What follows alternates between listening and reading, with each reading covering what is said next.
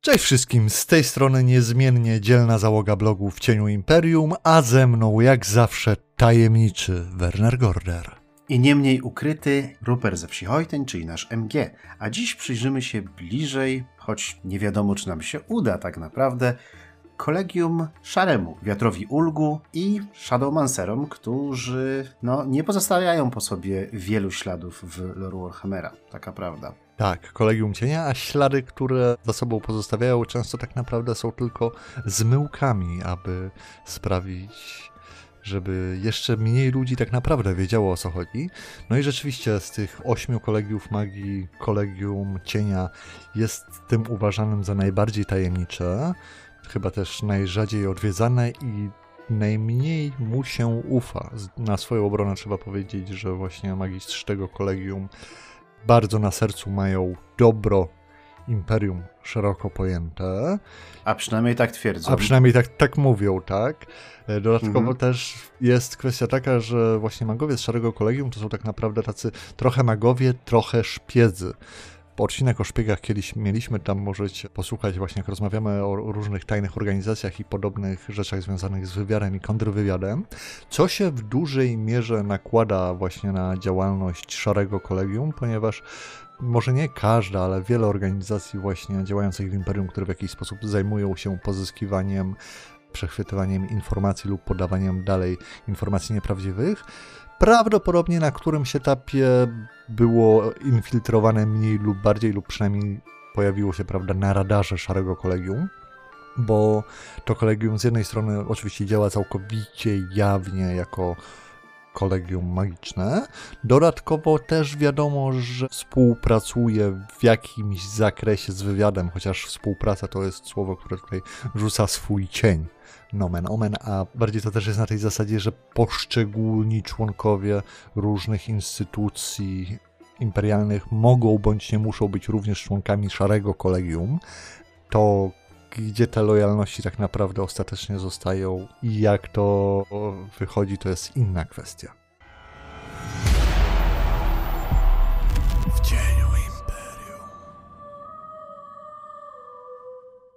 Tutaj myślę, że zanim przejdziemy do tego, w których miejscach na pewno wiemy, że ulokowali się szarzy strażnicy, bo również też tak członkowie Szarego Zakonu nazywają sami siebie, to kilka słów można by poświęcić temu, w jaki sposób rekrutacja przebiega do tego kolegium, jak wygląda szkolenie młodych adeptów ulgu.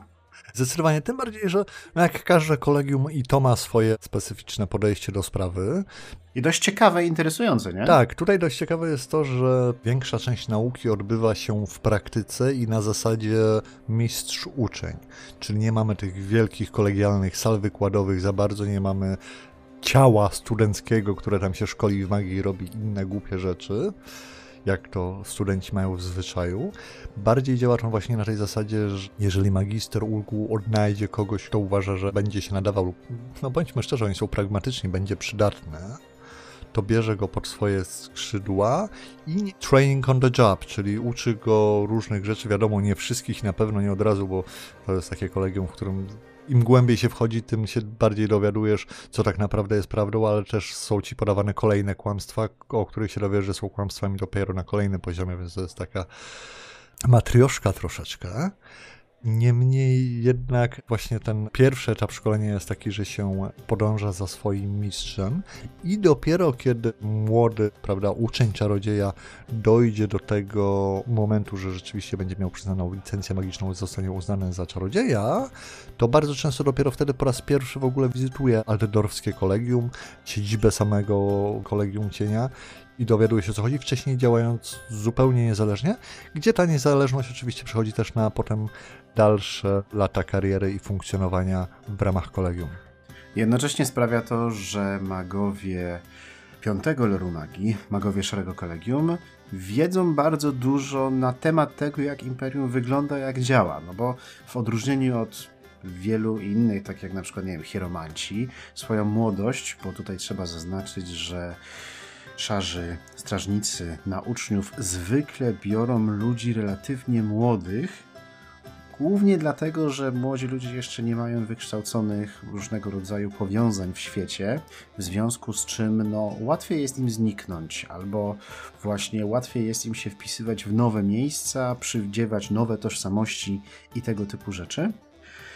No i tak, no, siedziba znajduje się w Aldorfie, w Hexerbezirk. Jest, jak przystaje na właśnie siedzibę tego kolegium, dość zakonspirowana, zupełnie, ma zupełnie nie wyglądać na podejrzaną, właściwie nie wyróżnia się szczególnie, zwłaszcza w porównaniu z, wiesz, piramidą właśnie hierofantów, czy jakimiś laboratoriami alchemików. No, ale no też ludzie mówią, że w tej siedzibie Szarego Kolegium pod tą maską tej zwyczajności znajdują się przedziwne biblioteki z zakazanymi tomami. Oczywiście w końcu jest to siedziba jednego z kolegiów magii, ale również informacje, które podczas swoich podróży szarzy strażnicy dowiadują się na temat różnych organizacji, rodzin, kultów funkcjonujących w imperium, no, które są, no, z racji tego, czym się zajmują szarze strażnicy, zwykle tajemnicami, w związku z czym te informacje mogą być wykorzystane do różnego rodzaju szantaży, do walki politycznej i tak i tym podobne. O samym kolegium w Aldorfie wiemy niewiele, właśnie poza tym, że posiada swoją bibliotekę, no i tą bibliotekę tych tajemnic, na podstawie czego można wnioskować, że dość wysoko postawioną osobą musi być bibliotekarz lub inni ludzie, którzy zajmują się tego typu rzeczami. Wiemy też, że w siedzibie kolegium w Aldorfie następuje końcówka tego szkolenia młodego adepta. To znaczy, po tym jak wrócił już z tego szkolenia praktycznego, które odbywał bezpośrednio u swojego mistrza, to następuje etap, który ma trwać no, kilka tygodni, może kilka miesięcy, to dokładnie nie jest ustalone, podczas którego wdraża się go właśnie do wszelkiego rodzaju no, tajemnic, technik, które może jednak no, bardziej wyczytać z ksiąg lub właśnie poznać, nawiązując kontakty z innymi magami, którzy właśnie w tym czasie znajdują się w kolegium, z hierarchią tego kolegium. Po czym następuje ostatni egzamin. Jeśli go zda, dostaje glade. Jeśli go nie zda, to jest myślę ciekawe, po prostu go wyrzucają w co mi się wierzyć nie chce, szczerze mówiąc, i myślę, że tu jest drugie dno, jak w sprawie wszystkim, co dotyczy właśnie Szarych Strażników. Ja bym się wcale nie zdziwił, gdyby część tych magów, która nie zdała formalnie egzaminu, tak naprawdę i tak była jakoś wkręcona w struktury Szarych Strażników i pełniła i tak jakieś zadania, no bo przecież przez kilka lat wcześniej podróżowali ze swoimi mistrzami, więc no czegoś się musieli nauczyć. No i też musieli być wdrożeni jakoś w sposoby i metody działania właśnie Shadowmancerów, zwanych za, za ich plecami czasami też oszustami, albo iluzjonistami, bo takie też nazwy się pojawiają. Co ciekawe, mamy interesującą informację, że że duży wpływ na ocenę tego, czy dany kandydat nadaje się naszego strażnika, mają nie tylko jego zdolności co do korzystania z magii i splatania ulgu, ale również to właśnie, jaką oni przejawiają postawę bym to powiedział, moralną, bo szarzy strażnicy dzięki dysponowaniu wieloma sekretami mogliby robić bardzo dobre interesy, mogliby szantażować dla własnych korzyści, no ale właśnie robić tego nie, nie powinni, o tak to powiem. I też składają śluby ubóstwa. Tak naprawdę, jeśli są obstawieni złotem, to tylko dlatego, żeby pokazać się w odpowiedni sposób w danym towarzystwie, żeby od niego nie odstawać. To nie chodzi o to, żeby oni sami byli bogaci, czy na tym się dorobili. No i właśnie, teraz myślę, że dochodzimy do filozofii szarych strażników. Tak, chociaż ja bym jeszcze tak dodał a propos samej siedziby, że rzeczywiście jest fragment, że ta ich miejscówka tak naprawdę znajduje się w takiej jakiejś podłej dzielnicy pełnej krętych, wąskich uliczek, w której każdy się gubi i w zasadzie nikt porządny i praworządny tam nie przychodzi, nawet Straż Aldorfska nie chce się tam zapuszczać. Co po części...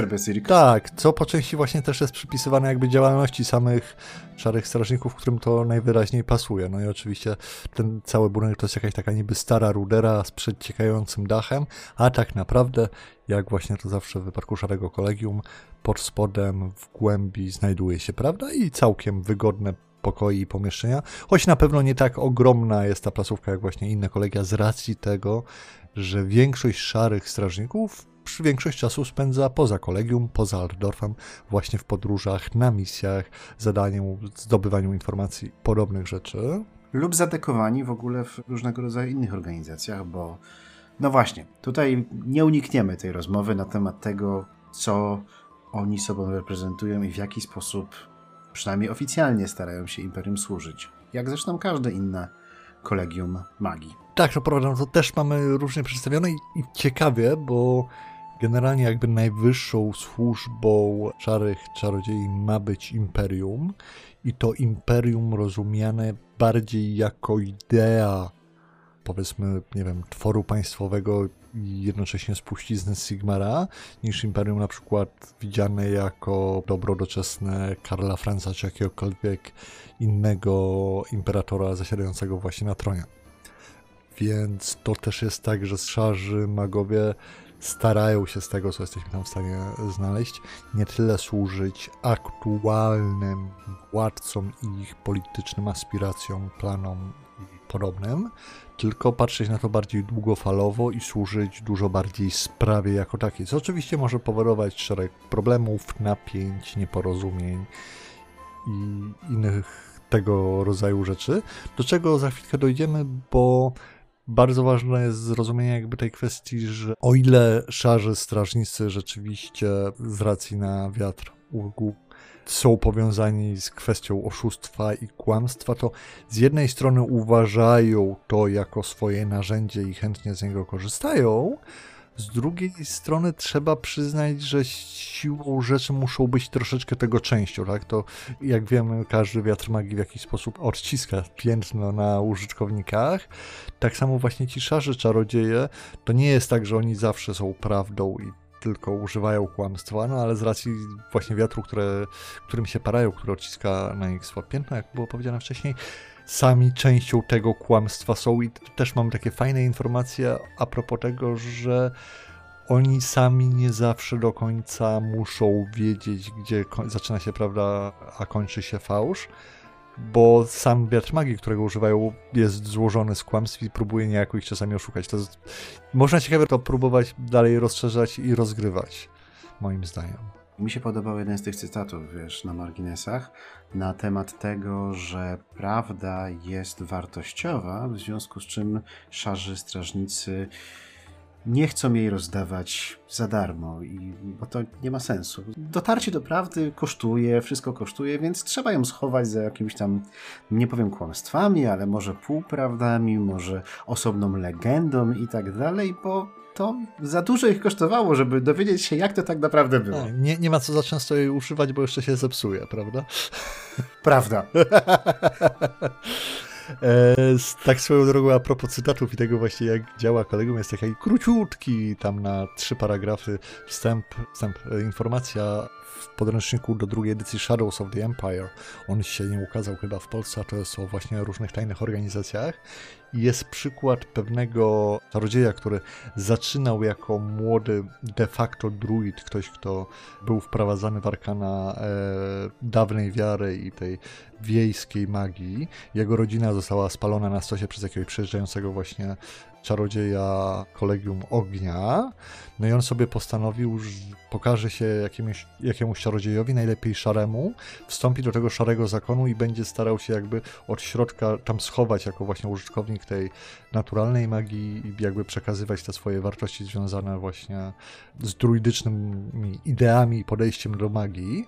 No i rzeczywiście rzucił jakieś tam zaklęcie w odpowiedni sposób, także został zauważony przez szarego magistra, został przyjęty pod jego wykształcił się, stał się sam pełnoprawnym magistrem, wreszcie zaszedł bardzo wysoko w tym swoim kolegium. No i oczywiście starał się jakby skupić na tym dalej, żeby innych użytkowników właśnie magii druidycznej wciągnąć do szarego kolegium, żeby ich nauczyć w ten sposób, żeby ich całkowicie nie zindoktrynować, tylko żeby oni z jednej strony wartościowo służyli szaremu kolegium, a z drugiej strony zachowywali te swoje podejścia, te swoje tradycje prawdziwej wiary i tak dalej.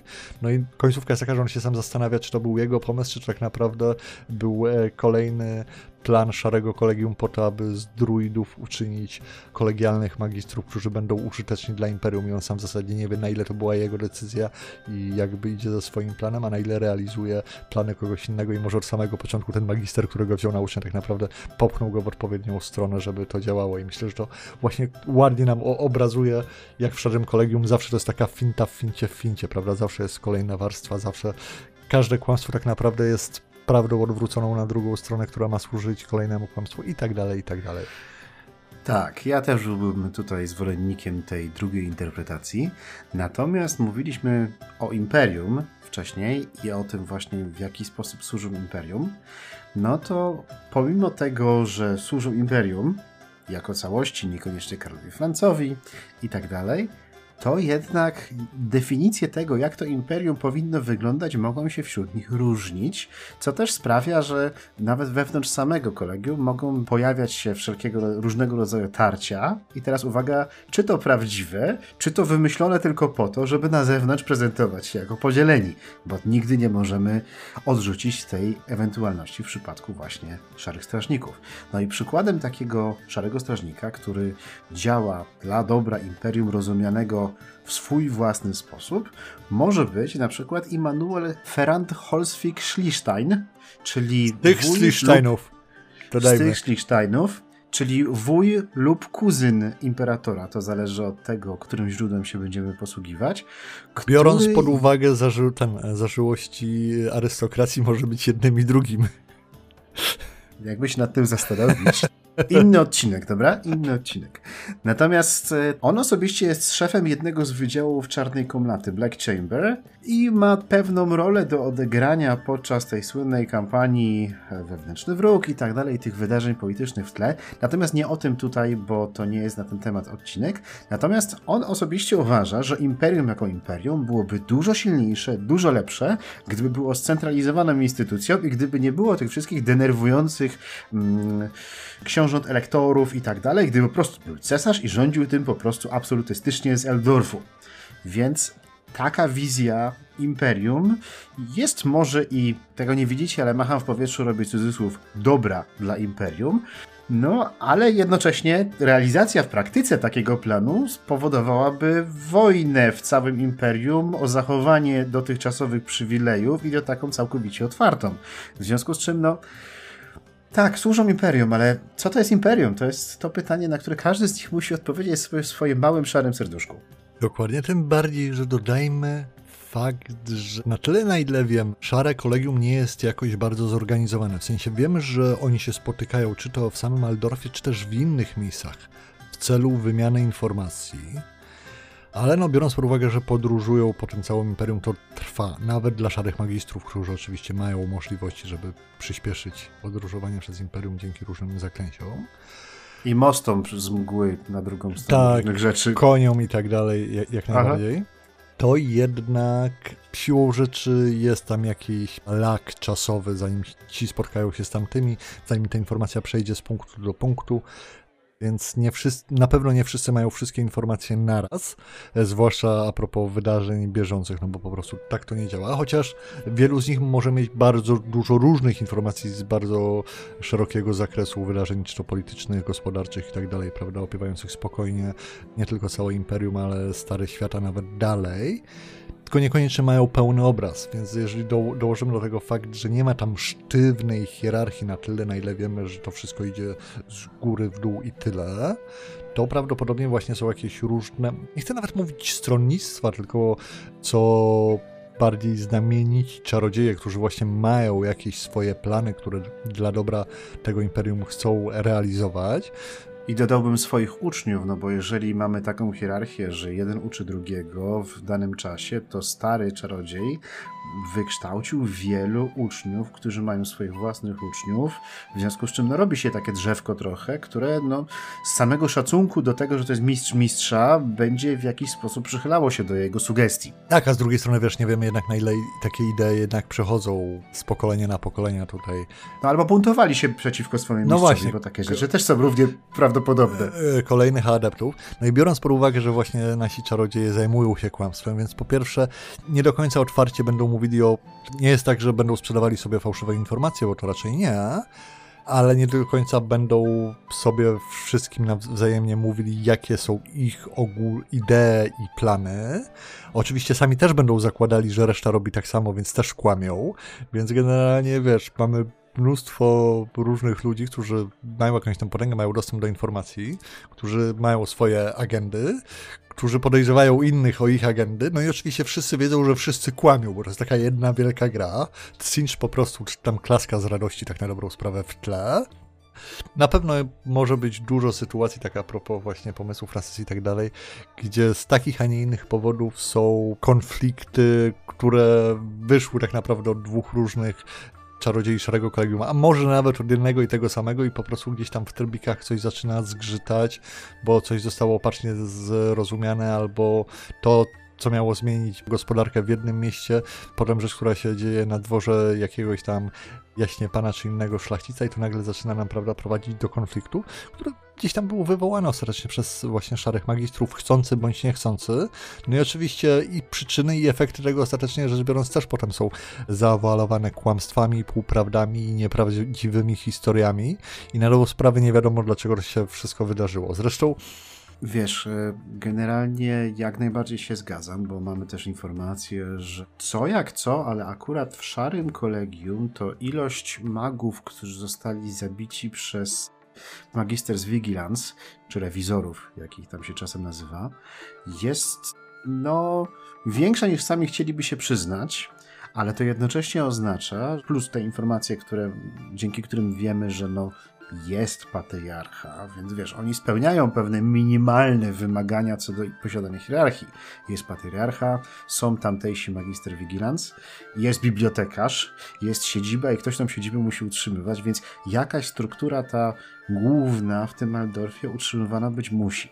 No ale tak, z racji na to, że właśnie bardzo wielu ich jest w polu, tak powiem, i sami tworzą swoje własne struktury i nie posiadają tych informacji, tak jak mówisz, no to tak, jest logicznym, że czasem takie struktury pewno będą się ze sobą ścierały, no i czasem głównym przeciwnikiem naszego, naszego szarego strażnika może być inny szary strażnik, który po prostu z jakiegoś powodu ma w tym momencie cele całkowicie przeciwne. Dokładnie, mimo że ostatecznie dążą do jednego i tego samego oczywiście, bo... Tak jest bo w ten sposób się to musi obracać. A troską każdego szczęśliwa ojczyzna. Dokładnie. Tutaj rzeczywiście trzeba dodać, że właśnie rewizorzy, czy tam magister vigilance są najliczniej reprezentowani przez szare kolegium, które po pierwsze bardzo stara się, aby wszelkie domowe brudy na zewnątrz nigdy się nie ukazały i utrzymują przynajmniej kilka takich komórek. No i na pewno bardzo chętnie też e, będą współpracowały celu rozwiązywania problemów innych kolegiów, żeby o tych innych kolegiach dowiedzieć się jak najwięcej, na co oczywiście inne kolegia mogą reagować z dużo mniejszym entuzjazmem. A teraz tosząc dalej się w kierunku największych kłamstw, to wydaje mi się, że jest dobry moment, aby wspomnieć o największym kłamstwie Warhammera, czyli o nieistnieniu skawenów, albo o istnieniu skawenów, jak to woli, bo mamy informację, że szarzy strażnicy na swój sposób starają się to kłamstwo propagować, a nawet czasami współpracować ze skawenami, aby owo kłamstwo utrzymać. Znaczy ja myślę, że to są wraże plotki rozsiewane przez po prostu łowców czarownic, którzy po prostu nienawidzą magów, a już w szczególności szarych strażników, bo no to jest no, oczywiste, że to jest kłamstwo i takie rzeczy mieć miejsce nie mogą. No, to z pewnością jedna z interpretacji. Mi się podoba wyjaśnienie. Że... To jest kislewska dezinformacja i w ogóle jesteś kislewską onucą. Dokładnie, że właśnie szare kolegium jak najbardziej stara się wyciągać te skaweny i coś z nimi współpracować, wychodząc z założenia, że lepiej jest mieć ich w zasięgu ręki, że tak powiem, żeby rzeczywiście wiedzieć o tych podziemnych miastach i ewentualnych planach ludzi, żeby mieć te informacje do nich dostęp, jednocześnie chcąc utrzymywać właśnie jako takie istnienie szczurzej rasy w tajemnicy, ponieważ to ma pomagać temu, żeby imperium trwało. No a mamy też informację, na ile to jest informacja, na ile to jest plotka, to oczywiście inna kwestia, że właśnie cała ta wielka tajemnica skaweńska i fakt, że ludzie nie uznają istnienia ludzi na przekór wszystkich dowodów, które twierdzą inaczej, zawiera się z tego, że raz do roku w Skaven Blight, które nie istnieje, Skaveny odprawiają rytuał, który jakby utrzymuje właśnie to kłamstwo przy życiu. I to jest rytuał, który czerpie mnóstwo tak naprawdę właśnie z szarego wiatru, z ulgu. Na pewno znając Skaweny jest tam dar, jest spaczeń i cała reszta, ale sami szarzy magistrowie właśnie myślą, jakby pomysł tego rytuału wykraść i wykorzystać dla dobra Imperium i potem się rozprawić ze Skawenami. I tu też jest taka fajna kwestia, o której wspomniałem wcześniej, że w tych informacjach, jak czytamy o Szarym Kolegium, to kłamstwo jako takie nie jest tylko aktem mówienia nieprawdy, tylko że w jakiś sposób w świecie Warhammera jest na swój sposób bytem, czy nie chcę powiedzieć istotą, ale ideą, która w jakiś sposób oddziaływuje na świat i przez ten świat oddziałowuje się na nią i po prostu istnieje. I tak sam właśnie Szary Wiatr Magii jest kłamstwem z jednej strony pomaga magistrom w różny sposób, z drugiej strony sam potrafi ich ogłupić, wyprowadzić na manowc i poświadczać rzeczy, które prawdą nie są, bo no na swój sposób kłamstwo jest czymś namacalnym, mimo że półprzezroczystym i zrodzonym z cienia, ale jednak w jakiś sposób istniejący w czymś bardziej niż właśnie samym fakcie niemówienia prawdy, co jest bardzo interesującym sposobem patrzenia na zarówno samych szarych magistrów, jak i w ogóle na kwestię świata Warhammera, prawda, bo my czasami rozmawiamy o tym, na ile te kosmologie, wierzenia, czy się przenika w jedną i drugą stronę między światem materialnym a niematerialnym. I to troszeczkę też mieliśmy informacje, jak jest o Cinchu i o demonach Cincher, o tym, że zaklęcia de facto są bardziej bytami, które potrafią znaleźć sobie miejsce w mózgu czarnoksiężnika i tam sobie niejako żyć. Tak, i kłamstwo może być czymś, co jest bardziej bytem niż po prostu naszym nazwaniem tego, czy wypowiedziane słowa pokrywają się z tym, co uznajemy za rzeczywistość, czy też nie. Wiem, że to tak głęboko i filozoficznie prawie, że, ale wychodzi z lore. Wiesz co, no podobnie, jeśli dobrze pamiętam, to Kant twierdził, że sama język magiczny ma swoją własną świadomość e, i tak dalej. W związku z czym, no coś w tym może być. Natomiast e, w kontekście ulgu, no to tutaj warto przypomnieć, że akurat sam wiatr ulgu, którym posługują się nasi szarzy strażnicy, Najczęściej opisywany jest jako swego rodzaju magiczna mgła, która może z jednej strony ukrywać różne rzeczy, ale z drugiej może wskazywać na obecność kłamstwa. Do tego jeszcze mamy te wszystkie rzeczy związane z cieniami i innymi inspiracjami, ale myślę, że to poruszymy już po przerwie. Ten odcinek sponsorowany jest przez Was, naszych patronów. W majowym konkursie do wygrania najnowszy podręcznik do czwartej edycji, czyli trzecia część niezbędnika wewnętrznego wroga, a w nim m.in. bohaterowie z Middenheim, sigmarycka herezja, przyczyny ulrykańskiego celibatu i wiele innych informacji o mieście Białego Wilka. Zatem jeżeli chcecie wesprzeć to co robimy i otrzymać szansę na wygranie jednej z kopii tego podręcznika, zapraszamy na nasz Patronite. Tyle z autopromocji i teraz wracamy do odcinka chcę się podzielić garścią inspiracji, bo jak przygotowywałem ten materiał, to było kilka rzeczy, które mi się od razu kojarzyły z szarymi czarodziejami. Jeżeli chcecie wplatać właśnie Kolegium Cienia na swoje sesje, czy to dla postaci graczy, czy dla BN-ów, to myślę, że to są świetne źródła, żeby z nich korzystać i po pierwsze odwołałbym się tutaj do postaci Gandalfa, który siłą rzeczy też był nazywany szarym w książkach. I tak na dobrą sprawę, jak się wczytamy w opis zaklęć, to część z nich oddaje to, co czy to znamy z książki, czy prawda z filmu właśnie tam gra cieni i świateł. No i fakt, że on rzeczywiście podróżuje i uważany jest w tym Shire jako jakiegoś starego dziwaka, co to puszcza fajerwerki raz do roku, a tak naprawdę na jego barkach spoczywa los świata. Więc myślę, że to jest fenomenalne źródło inspiracji, no bo przecież Tolkien i tak kradnie Warhammer z niego ile się da, więc czemu nie czerpać ze źródła? Druga rzecz z racji, że 4 maja jest przed nami, to muszę wspomnieć o Gwiezdnych Wojnach i z bólem serca, naprawdę wielkim, przepraszam, że to mówię, ale jednak o prequelach, bo tam na początku, właśnie w pierwszym epizodzie, drugim mamy tę sytuację, gdzie Jedi są wysyłani jako tacy to dyplomaci, to strażnicy, chodzą sobie w tych swoich dla odmiany brązowych szatach, ale też można by myśleć o tym, żeby w podobny sposób zaadaptować właśnie szarych strażników, którzy są gdzieś wysyłani przynajmniej oficjalnie. No i oczywiście moja trzecia ulubiona inspiracja to jest to, że jeżeli chcecie sesję robić dla szarego czarodzieja albo na przykład kilku czarodziei, to Mission Impossible to jest to. Gandalf w Warhammerze jest. Nazywa się Olorin i był swego czasu, to jest taki prehistoria Warhammera, ale wymyślili, wymyślili też znowu, macham w powietrzu, coś to nazywa się Comradeship i było takim stowarzyszeniem, które miało pomagać niziołkom w zwalczaniu nie, niesprawiedliwości na świecie. Był tam szary czarodziej Olorin, był tam elf, którego imię było grom słów od Legasa, był krasnolud, który tak samo. Gimli, nie wymówię tego, nie pamiętam, no i był też taki analog Aragorna. W każdym razie tak, jest szary czarodziej, Olorin to tak zresztą w Kłeni zdaje się imię Gandalfa, tak w ogóle, więc takie coś było. Natomiast sami szarzy strażnicy i magowie, ten już pomijając kwestię ulgu, bo to jeśli chodzi o meta, to powstało kiedy powstało, no to wcześniej, w pierwszej edycji, mieliśmy wszelkiego rodzaju iluzjonistów. W związku z czym część tych rzeczy, tych iluzji, tych złudzeń, tych trików, które robią nam nasze umysły, właśnie przyjęli szarze strażnicy. Mówimy o ulgu, mówimy o mgle za, zawsze jako jakimś takim metaforze dla ulgu i tego, jak to opisujemy dla ludzi, którzy mają wiedźmi wzrok.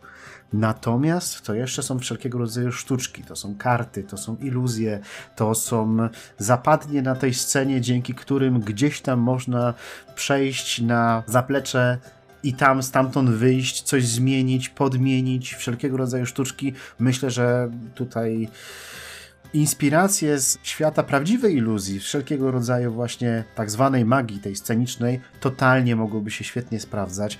Nie wiem, właśnie trupa jakaś teatralna, jakiegoś iluzjonisty, który, wiesz, w każdym mieście może przyciągnie tłumy, żadnych rozrywki mieszczan czy innych, wiesz, biedoty, a przy okazji wkręci się na jakiś dwór i tak dalej. No, to są takie postaci, które no, totalnie mogłyby być szalonymi strażnikami.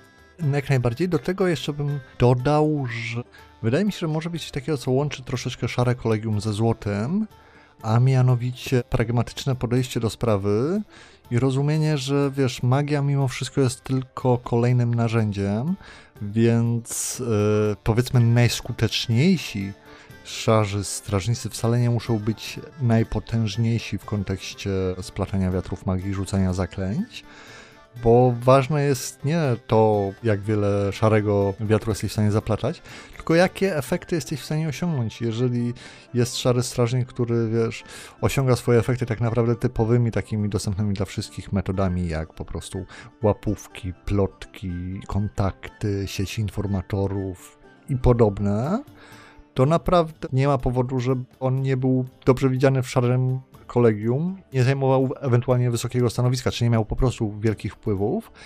Niezależnie od tego, jak prawda, jego talent magiczny, powiedzmy, wygląda na tle innych, bo mówię, to jest kolegium, dla którego efekty są bardzo ważne. No i tak swoją drogą, wydaje mi się, że byłoby to do ogarnięcia pod właśnie takie sesje. Tak będę wracał do mojego pomysłu z Mission Impossible, bo przed nagraniem tego odcinka jeszcze sobie puściłem muzykę ze znanej serii i uważam, że to jest świetny pomysł na sesję do Warhammera, takie szpiegowskie i właśnie ze ściąganiem iluzorycznych masek i nagle się okazuje, że to on, że to jest inna misja i że w ogóle robiliśmy to z innych powodów. To wydaje mi się, że kolegium, a przynajmniej szarzy czarodzieje mogliby się dobrze łączyć właśnie z masą innych profesji i postaci, które mają swoje sposoby na czy to pozyskiwanie, czy przekazywanie informacji, to wiesz, od właśnie też prób teatralnych, tego typu rzeczy, przez klasycznych szpiegów, wywiadowców, detektywów, po różne, wiesz, wynalazki inżynieryjne. Kiedyś rozmawialiśmy o tym, jak to imperator buduje sieć semaforów w imperium, żeby ta informacja lepiej krążyła. Nie widzę powodu, dla którego jacyś szarzy magistrowie mieliby się czymś takim nie zainteresować. Ja widzę wiele powodów właśnie, dla którego mieliby się tym no zainteresować. No właśnie, więc myślę, że tutaj jest naprawdę ogromne pole do popisu. A oprócz tego, jako mało które kolegium, szarzy magistrowie na pewno mają swoje takie, wiesz, specjalne grupy do zadań specjalnych, o tak. Które, mówię, to nie jest tak, że każdy tam musi być użytkownikiem magii i pochodzić z kolegium, czy tylko z szarego kolegium, bo też jakieś tam łączone pewnie zajęcia z innymi kolegiami mogą mieć miejsce, ale po prostu rzeczy jak najbardziej efektywne, które będą służyły temu, aby imperium mogło trwać dalej w najlepsze. Poza tym wiesz, najskuteczniejszy szary strażnik to ten, o którym nie wiesz, że jest szarym strażnikiem. Dokładnie. A pracuje na przykład w inkwizycji. To swoją drogą. I myślę, że z tym was dzisiaj zostawimy po tym naszym przydługim odcinku o kolegium, o którym nic nie wiadomo, a tyle nam się udało powiedzieć. Jak zawsze wielkie podziękowania dla naszych patronów, którzy sprawiają, że te materiały mogą powstawać, powstają regularnie i mamy dostęp do wszystkiego, co jest nam potrzebne. Obecnym patronom pięknie dziękujemy za wsparcie, a jeśli ktoś chciałby do nich dołączyć, to wszystkie linki znajdują się w opisie. Oczywiście, jeżeli Wam się nasz materiał podobał, zostawcie lajka, suba i inne takie rzeczy, żeby się przebić przez te szare wiatry algorytmów YouTube'a, żebyśmy trafili z prawdą do jak największej ilości uszu i oczu. Zapraszamy Was też na naszego Discorda, tam możemy kontynuować ten temat. A tymczasem kończymy, bo za kilka godzin rozgrywamy naszą kolejną sesję, więc trzeba się przygotować. Dokładnie tak, trzymajcie za nas kciuki, a my z Wami się widzimy już w przyszłym tygodniu. Chwała szaremu kolegium. There's no such college.